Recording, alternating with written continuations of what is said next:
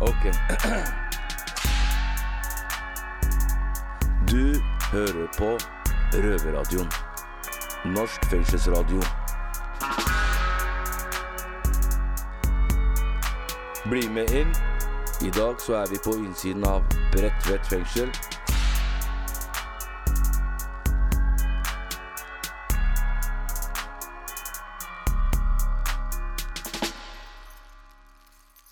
God dag og velkommen til Røverradioen. Jeg heter Hege. Jeg sitter ved Bredtvet fengsel. I dag så er jeg her helt alene. Og sånn er det bare noen ganger. Uten makkeren min Nina så blir jeg litt nervøs, men dere får ta meg som det blir. Fleste av dere har sikkert eh, lest bøker, eh, sett dokumentarer, sett på film om hvordan det er å leve og slutte med rus. I dag skal du få høre to historier om den usminka sannheten som viser hvor komplisert det kan være. Og først ut så er min historie. Jeg er en dame på 50 år som har brukt rus i veldig mange år. Siden jeg var 14. Um, da begynte jeg med det mye for uh, tilhørigheten med de folkene og ja, vennene rundt meg. da, At de brukte det. Jeg ville være likedan som dem. Pluss at jeg hadde en del problemer på hjemmefronten òg, da. Eh, det vi begynte med Jeg kommer fra en liten plass oppe i nord, Trøndelag. Eh, der, eh, der, så, der begynte vi med sniffing da når jeg var 14 år. Det gikk ut på kaskolim og tipp topp sykkellim. Noe som ikke an da, som ikke går an nå. Vi var en fast gjeng på ja, ti stykker eller noe sånt, som ja, hang sammen hver dag, da. Og ofte så treftes vi nede i skogen da og ja, sniffa. På, vi hadde sånne faste sniffeplasser. Så det var ikke riktig hver dag, men det var ganske ofte, kan jeg si. Um, første gangen jeg røyka hasj, det var i niende klasse, tror jeg jeg gikk i. Da var jeg vel 14 Nei, 15 år. 15 år. Uh, det var i langfreminuttet på skolen, faktisk. Um, og ja, det var første gangen. Veldig spennende. Um, etter det så ble det mye tabletter. Uh, for vi hadde en lege som skrev ut tabletter til oss. For uh, som sagt, oppi der så var det, det var ikke noe amfetamin og heroin i den tida oppe i Trøndelagen der. Så ble det mye pillespising og litt hasjrøyking. Eh, etter hvert så gikk jeg over til mm, amfetamin. Jeg gikk den tradisjonelle veien fra piller og hasj og stoppa med heroin. tenker jeg. Uh, ja, når jeg begynte med amfetamin, da, så var det sånn at uh, det begynte med festbruk. Og da var vi en gjeng som uh, brukte det, faktisk. Og så etter hvert da, så ble helga lenger og lenger. Så den liksom begynte ofte om onsdagen og slutta på mandagen. Så det var liksom bare tirsdagen eller et eller annet sånt etter hvert. da. Så det ble veldig heftig. Det var i begynnelsen på 90-tallet, da det kom uh, veldig mye amfetamin oppi der. Um, i det, uh, altså, i rundt den tida så fikk jeg um, en datter. Da, og da var jeg jo nykter i det året som jeg gikk gravid med hun, og ett år etterpå da dro vi på Roskildefestival, og der eh, så tok vi litt av. Ble det amfetamin.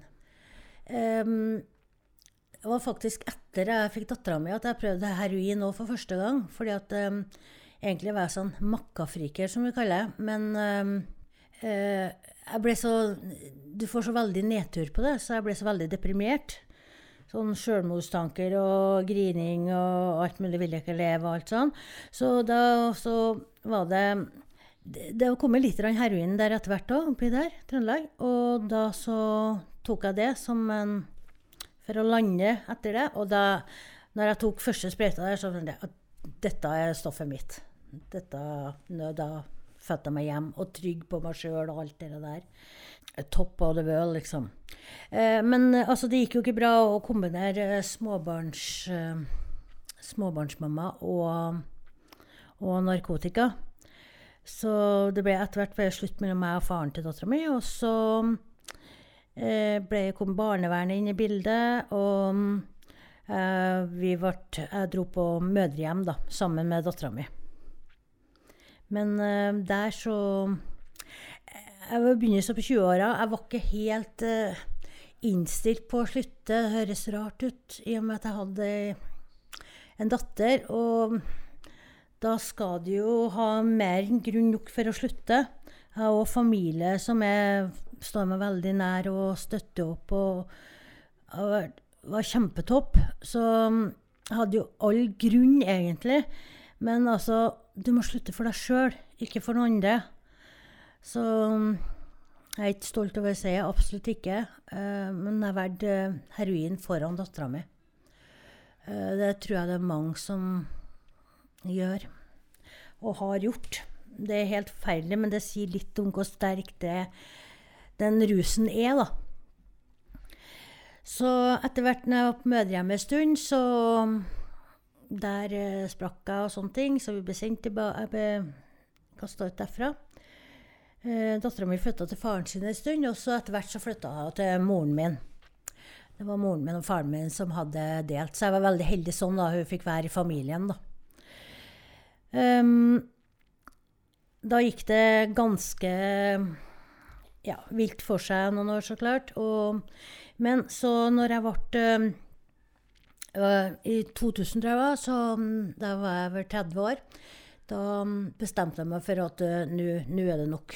Nå vil jeg gjøre noe. Da søkte jeg meg på Tyrili. Der var jeg i en fire-fem år, ganske lang tid.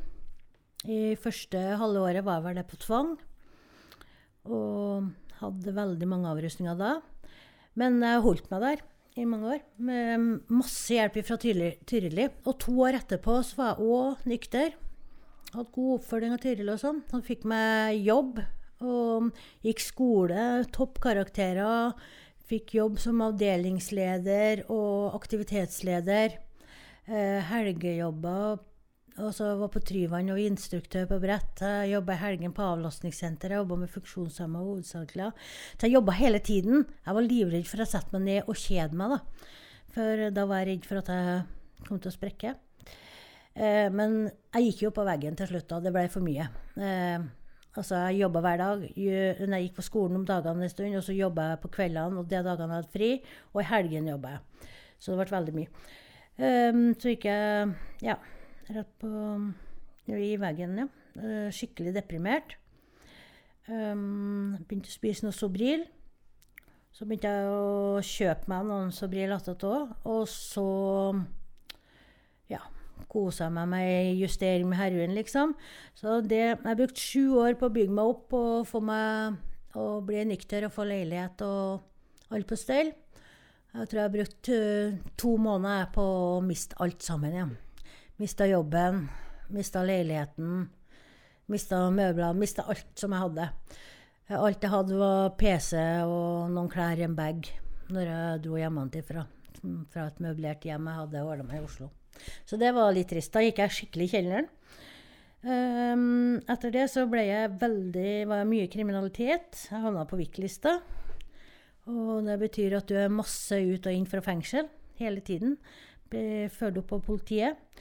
Jeg var veldig kriminell og ja, mye dop. Mye dopsalg og mye ut og inn av fengsel, som sagt. Um, jeg prøvde vel noen uh, turer innom. Jeg var vel på Fredheim en tur, og jeg var på Ulvin en tur. Jeg var på Nesodden på Østeråt en tur. Jeg var på avdeling voksen en tur. På behandling. Uh, lengst jeg var en plass, var vel kanskje ni måneder eller noe sånt, tror jeg. For at uh, jeg ville, men det var sånn bob-bob. Så jeg tenker at du må nå skikkelig bånd, da, før fleste i hvert fall må nå skikkelig bunnen For uh, han må bli ferdig med ruslivet, liksom.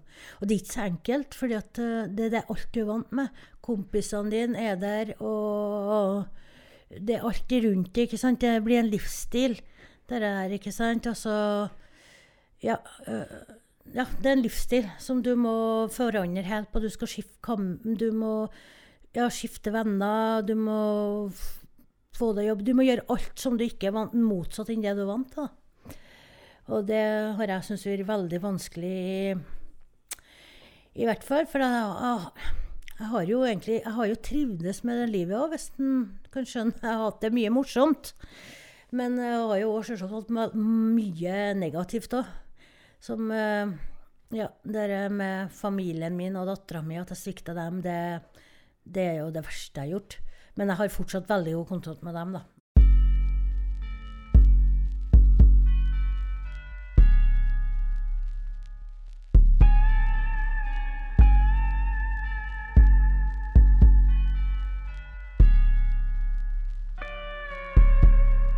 Uh, altså fra uh, 2014, tror jeg var, så var jeg ute av fengsel helt til 2020.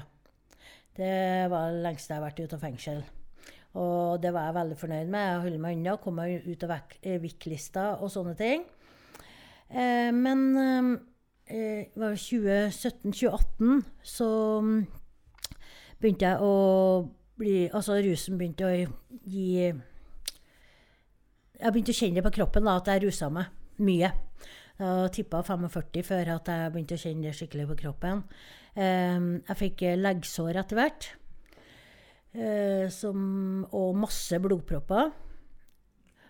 Leggsår er jo noe sår som du får pga. at du setter mye sprøyter og ikke har blodtilførsel nok i beina dine, så du får gå med store sår, åpne sår hele tida, som må ha bra stell hele tida. Og det er noe narkomane får som regel, som holder på å sette i når du begynner å sette overalt i alle blodårene. Så du stopper dem. Eh, det mm, krever masse stell, og det var jeg ikke i stand til å forestille meg sjøl. Altså, jeg kom meg ikke på, av sted da, for å få til å stelle annenhver dag som jeg skulle gjøre, eller helst hver dag. Men jeg fikk mye hjelp av hjemmesykepleie, gatehospital, sykepleier på hjul, Frelsesarmeen, feltsykepleieren og sykehus. De eh, var helt suverene og stilte opp altså, og prøvde så godt de kan. Og jeg hadde hjemmesykepleieren som kom hjem til meg med medisiner. Men jeg havnet i en vond sirkel der jeg rusa meg masse, for jeg hadde så mye vondt. Så gikk det en uke siden, så ble jeg lagt inn på sykehuset og kanskje sendt på gatehospitalet etterpå. Og var der litt stund. Måtte dra på feltplen annenhver dag. Datt ut derfra igjen. Og så tok jeg en uke eller to, så fikk jeg blodpropp igjen. Og så kom jeg meg til legevakta, eller hjemmesykepleien kom hjem til meg, og så sendte jeg meg på sykehuset. Og det var en, de to siste årene før, ja, fra 2018 da, til 2020, så var dere hele tida, da. Og sommeren 2020 så sa de det at med, For jeg hadde så mye infeksjoner i kroppen, hele tida gått med det hele tida i to år. Og de sa det at jeg kom ikke til å berge til jul hvis jeg ikke gjorde noe drastisk. Slutta nå pga. infeksjonene kom til å ta livet av meg. Så jeg var i en veldig vond sirkel da, og rusa meg masse fordi jeg hadde masse smerter. Eh, såpass gammel i kroppen, for jeg begynte jo å nærme meg 50 òg. Så kroppen var kjempesliten.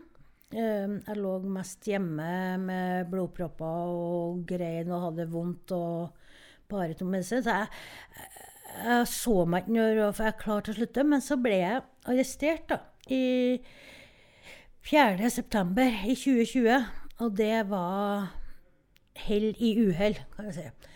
Uh, hadde jeg ikke blitt arrestert da, så hadde jeg ikke sittet her nå. For uh, det ga meg en sånn tvang. Må, da måtte jeg jo slutte. Måtte. Ravneberget fengsel, der jeg satt først, der var de veldig flinke til å stelle foten min. Det er en sykepleier der som kan veldig mye om leggsår, da, som er typisk sånn narko... Alle narkomane vet hva jeg snakker om da, i hvert fall. Og, og det er ikke bra. Eh, fleste mister faktisk foten av det. Amputere. Største prosenten som amputerer beina. Det er pga. leggsår. Um, på Ravneberget der så fikk jeg stelt Ravnebergsfengselet. Stelt Stelte beinet. Og så kom jeg hit til Bredtvet fengsel i desember 2020. Eh, jeg fortsatte å stelle såret. Det var fortsatt ikke bra. Så det tok et år da, for det var grodd, og det begynte å bli bra. Og at jeg ikke fikk betennelse og sånne ting. Men fortsatt da, så sliter jeg jo med de ettervirkningene der, da. Det er jo det jeg må leve med. Så nå har jeg selvsagt slutta å ruse meg. På jo, det er jo pga. at jeg kom inn i fengsel at jeg fikk sjansen til å gå, ha så lang rusfrihet bak meg. Så til meg så var det på en måte en hjelp òg, da. Jeg tror det er veldig mange som trenger den tvangshjelpen. For det å gå inn i behandling sjøl på det plassen jeg var, det hadde bare ikke gått samme hvor mye vilje jeg har, hadde hatt, altså. Så hadde jeg så mye vondt og ja. at jeg så ikke noe grunn til å leve. ikke sant? Jeg, det var helt forferdelig. Altså, jeg tok jo noen overjusteringer for at jeg var det, Jeg orka ikke mer. ikke sånn, Jeg orka ikke. Men øh, når jeg kom i fengsel nå, så har jeg ikke rusa meg. Og, har, og, i og med at jeg er blitt frisk i beinet, så er jeg så takknemlig for å være frisk. Det å våkne hver dag og være frisk, og det at jeg kan gå på begge fotene Altså før jeg kom, eh, jeg kom til Ravneberget, da, gått på krykka i to-tre år. Så, for da hadde jeg jo fått, begynt å få stell og fått mat. Øh, altså ja, alle de vitaminene og mineralene som kroppen trenger da, for å bygge seg opp igjen. Da. For når en er ute òg, så klarer ikke kroppen å bygge seg opp igjen når du går og ruser deg. Lell meg inn på sykehuset en liten stund, så kommer du ut igjen og kjører samme livet. Så er du fortsatt uh, fattig på alle vitaminene og mineralene som skal hjelpe deg å bli lege såret der. da. Så det går ikke. Så um, jeg ser det som eh, at jeg har fått en eh, sjanse nå. Og nå skal jeg jo være eh, Jeg fikk jo en dom da, på fem år. Fem og et halvt år. Så jeg skal sitte her i litt over ja, tre og et halvt år, Cirka Nesten fire. Og da har jeg fått veldig lang tid rusfrihet bak meg. Så mm, nå, første gang i livet, så kan jeg si det med hånda på hjertet at jeg kan se for meg et uh, liv med så å si rusfrihet, som jeg sier da. Altså, metadon kommer til å være der for meg. Det er et sikkerhetsnett for meg som jeg ikke ser at jeg kan klare meg uten. Og det er helt greit. Uh, det, har vært veldig heldig Jeg har vært en ganske heldig narkoman sånn sett, da. Altså, jeg har familien min i, rundt meg fortsatt. De har stått der hele tiden. Eh, både datteren min og søsknene mine og foreldrene mine og resten av familien òg. Og det er jeg kjempetakknemlig for, for det er ikke alle som er så heldige som uh, ja, har familie som stiller opp og ikke Ja, bare Ja, det er veldig mange som blir avskrevet da, når de ruser seg og sånne ting. Men uh, det har ikke familien min gjort, så jeg er kjempeheldig der. Og det setter jeg veldig, veldig stor pris på. Nå så har jeg fått ny giv, lyst på livet, i en så å si nykterhet, som jeg sier. Og mm, ja, jeg ble faktisk redda av eh, fengselsoppholdet mitt, jeg, da. Det er helt tragisk, men det var det som skulle til for meg. Så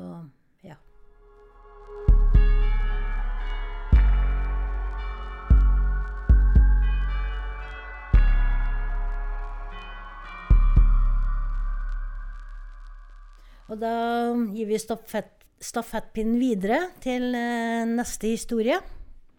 Jeg heter Ali, og jeg snakker til deg fra Eidsberg fengsel. Jeg har en, ja, et liv med, med, en del historie med rus.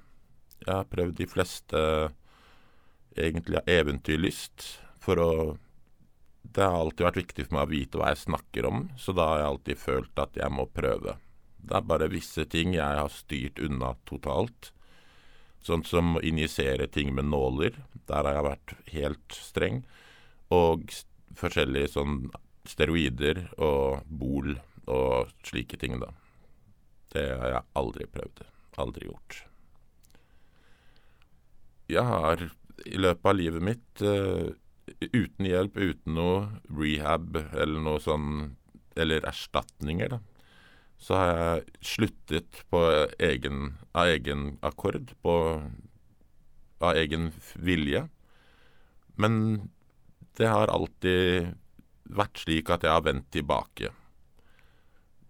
Det er det flere grunner til. Det er ting som har skjedd i livet mitt. Eh, men slik er det jo med alle. Altså, livet går jo opp og ned. Men det har vært en sånn noe jeg har gått til eh, for å Ja, en blanding av selvskading, egentlig, og det å ja, slippe unna. Det har vært på en måte en sånn et trygt sted. Av en eller annen grunn. Merkelige saker, akkurat det. Siste gangen jeg begynte igjen, det, det var uh, Skal vi se Nå er det snart et år siden. Jeg hadde vært helt rusfri. Uh, kun øl og sigaretter og sånne ting. men helt rusfri Det var vel i seks måneder. Kanskje litt under det. Fem og en halv, seks måneder. Og det var egentlig bare for å kjenne på det og vite at jeg kunne. Men så gikk jeg tilbake igjen, eh, selv om jeg var veldig stolt av meg selv en periode. Og ja, det føles godt å kjenne på litt sånn mestringsfølelse. Men eh, det var mye pga. ensomhet. Jeg la merke til at jeg isolerte meg selv. Det, jeg var innendørs uh, uansett om det var ja, full sommer ute. Og så gikk jeg turer et, ja, på natten. Det var uh, ofte slik det var. Og det var ikke sånn én gang per tre uker engang at jeg dro og besøkte noen ja, venner eller kjente. Det, var en Jeg følte meg Ja, jeg hadde en sånn ensomhet uh, og det var Ja, følte på det at telefonen sto helt stille, bortsett fra venner som Ja, venner i anførselstegn. Fordi det var folk som tilhørte et visst miljø, da. Altså et rusmiljø og kriminelle. Og det, jeg la merke til at det var bare de som strakk ut hånda. Og alt fra barndomsvenner og familie og sånn, ikke et pip. Så det var egentlig ja, jeg opplevde først spiseproblemer, det husker jeg. Altså, det kunne gå en 12-13 dager uten at jeg Altså, kroppen bare ville ikke ha mat. Men øh, Og søvnproblemer førte, hørte med. Og egentlig så følte jeg, føler jeg nå i ettertid at sprekken skyldes bare det at øh, jeg ville skru av hodet, skru av tankene. Og for å være ærlig, så var jeg i en situasjon hvor jeg følte Hvorfor ikke? Altså Hvis uh, Ja, altså Ja, rett og slett, hvorfor ikke? Det, hva hadde jeg å være ren for? Altså, fristelsen med rus Der er det noe inni meg, og det tror jeg veldig mange kan forholde seg til. Altså ofte så blir det en livsstil. Det Det er slik at man nesten ikke klarer å se for seg det å ikke eh, være i den formen. Altså akkurat som det å røyke Altså at man røyker selv om Ja, på Ja, nesten på automatikk, da. Det det er uh, akkurat som det er et tomrom, og det er det ofte. Altså at det er et tomrom som fylles, eller som man føler man må fylles. I min erfaring, og som jeg har sett på veldig mange andre, er det at veldig mange av oss har glemt det å kjede seg. Hvordan det er å kjede seg. Så personlig tror jeg at veldig mange som sitter hjemme i stua si og Enten du er ute av fengsel, eller om du har vært borte fra rus lenge, eller borte fra et visst miljø lenge. Ofte har jeg observert og følt på meg selv at når man sitter der hjemme og kjeder seg, og det er ikke noe å gjøre, og da er det som at det er noe i oss som våkner, og plutselig så føler man nesten at Oi, det er et tomrom her som må fylles. Og da er det jo ofte at man går til det man kjenner. Jeg har uh, historie med egentlig de fleste rusmidler, men sånn som heroin spesielt, uh, det gikk jeg på fast hver dag i ni år. Litt over ni år. Jeg slutta på dagen, det hører jo med historien, og er fri den dag i dag. Så det er lagt bak meg. Men for meg så tror jeg det er som for veldig mange andre. At heroin blir vel, Det blir som en fulltidsjobb. Altså, det, det blir Det blir livet ditt. Det er noe du velger. Men grunnen til jeg gikk dit, til den brønnen, for å si det sånn, det var fordi ja, altså Jeg føler Altså, jeg hadde en dyp, dyp sorg. Det hadde gått blitt slutt med samboer eh, over seks år. Um, jeg mista kontakt med barna mine. Og det her var før jeg begynte på, med heroin fast. Jeg hadde prøvd det tidligere, men bare gått vekk fra det. Så det var uh, egentlig mest for å skru av hodet. For å slippe å tenke, slippe å føle. Fordi livet rundt meg var bare en stor ruin. Og så føler jeg at selvskading eh, skal også nevnes her. Fordi ofte så ønsker man seg selv vondt. Og de stemmene man har i hodet om hva folk har sagt om deg og sånn, noen ganger så vil man ikke gjøre de stemmene til skamme, men man vil vise dem at ja, ja, hvis jeg ikke er eh, bedre enn det, så kan jeg like gjerne gjøre det. Eller hvis ikke jeg er mer verd, da, som de sier, så hvorfor ikke bare bli det monsteret de sier at jeg er? Den fristelsen tror jeg alltid vil være der. Og der deler eh, folk med rushistorikk mye eh, Der har vi mye felles med f.eks. alkoholikere fordi som jeg har nevnt tidligere, så er det Det blir ofte en livsstil. Det, det reflekteres i, på så mange måter. Det, og man har et bare at man koser seg med om du, ja, om du tror du koser deg med rusen, eller om det er en sånn manisk at du må jage den rusen hele tiden. Så Men for min del så kan det gå begge veier. Jeg vet godt i hjertet mitt at jeg trenger ikke å ruse meg et, et sekund i livet mitt videre.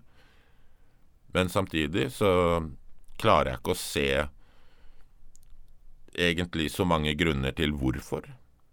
Jeg har ikke Det er ikke noe sånn gulrot der lenger at hvis jeg bare oppnår et visst nivå ikke sant, og blir som alle andre, da vil sant, det et eller annet skje. Så dessverre så er det sånn at jeg tror jeg har mista for mye i livet mitt, eh, og det er ikke av rusårsaker. Men ja. Nei, jeg har 10 000 gode grunner til å fortsette å ruse meg, men det å finne den ene grunnen til å si nei, det er mitt problem, egentlig.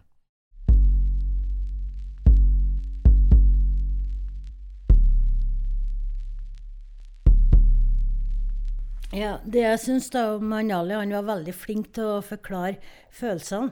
Og jeg kjente igjen meg veldig mye der. Det der om uh, eh. Han fortjener, jeg fortjener ikke å ha det noe bedre. Og ja, den isoleringa og ensomheten og det å unngå folk som en føler når en skal være nykter, da. Fordi at uh, nykterhet er noe jeg ikke kan, mens det er livsstilen som rus, og med rusvenner og alt det, er noe han kan.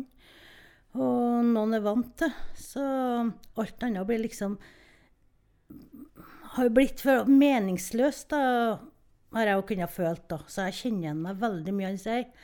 Det hovedgrunnen nå er for uh, jeg skal slutte. Da vet jeg at det riktige egentlig er å si familien. Men uh, nå har jo helsa kommet, så det er jo det som er det hovedårsaken nå. da, For at jeg ikke har lyst til å dø en lang og smertefull død. som det står på røykpakken. Men ja. Så jeg kjente meg igjen i veldig mye han Ali sa, altså. Gjør jeg. Så jeg håper at Ali òg kan finne grunnen sin for å slutte snart. Det håper jeg virkelig, altså. Nå er Røverradioen over for i dag. Vi er tilbake på P2 klokka halv ni neste søndag. Eller på podkast når og hvor, hvor du vil. Nå skal jeg gå på cella mi og slappe av litt og hvile hodet litt. Vært mye å tenke gjennom og mye, og, mye å fordøye i dag i sendinga i dag. Den har gått veldig innpå meg, kjenner jeg. Ja, vi høres neste uke. Hei da. Denne sendingen av Røverradioen er sikkerhetsgodkjent av Bredtvet fengsel og Eidsberg fengsel Musikken er laget av Trond Kallevåg. Røverradioen er en veldedig organisasjon som er avhengig av din støtte. Følg oss på Instagram, Facebook, Twitter eller gå til røverhuset.no og finn ut hvordan du kan støtte Røverradioen.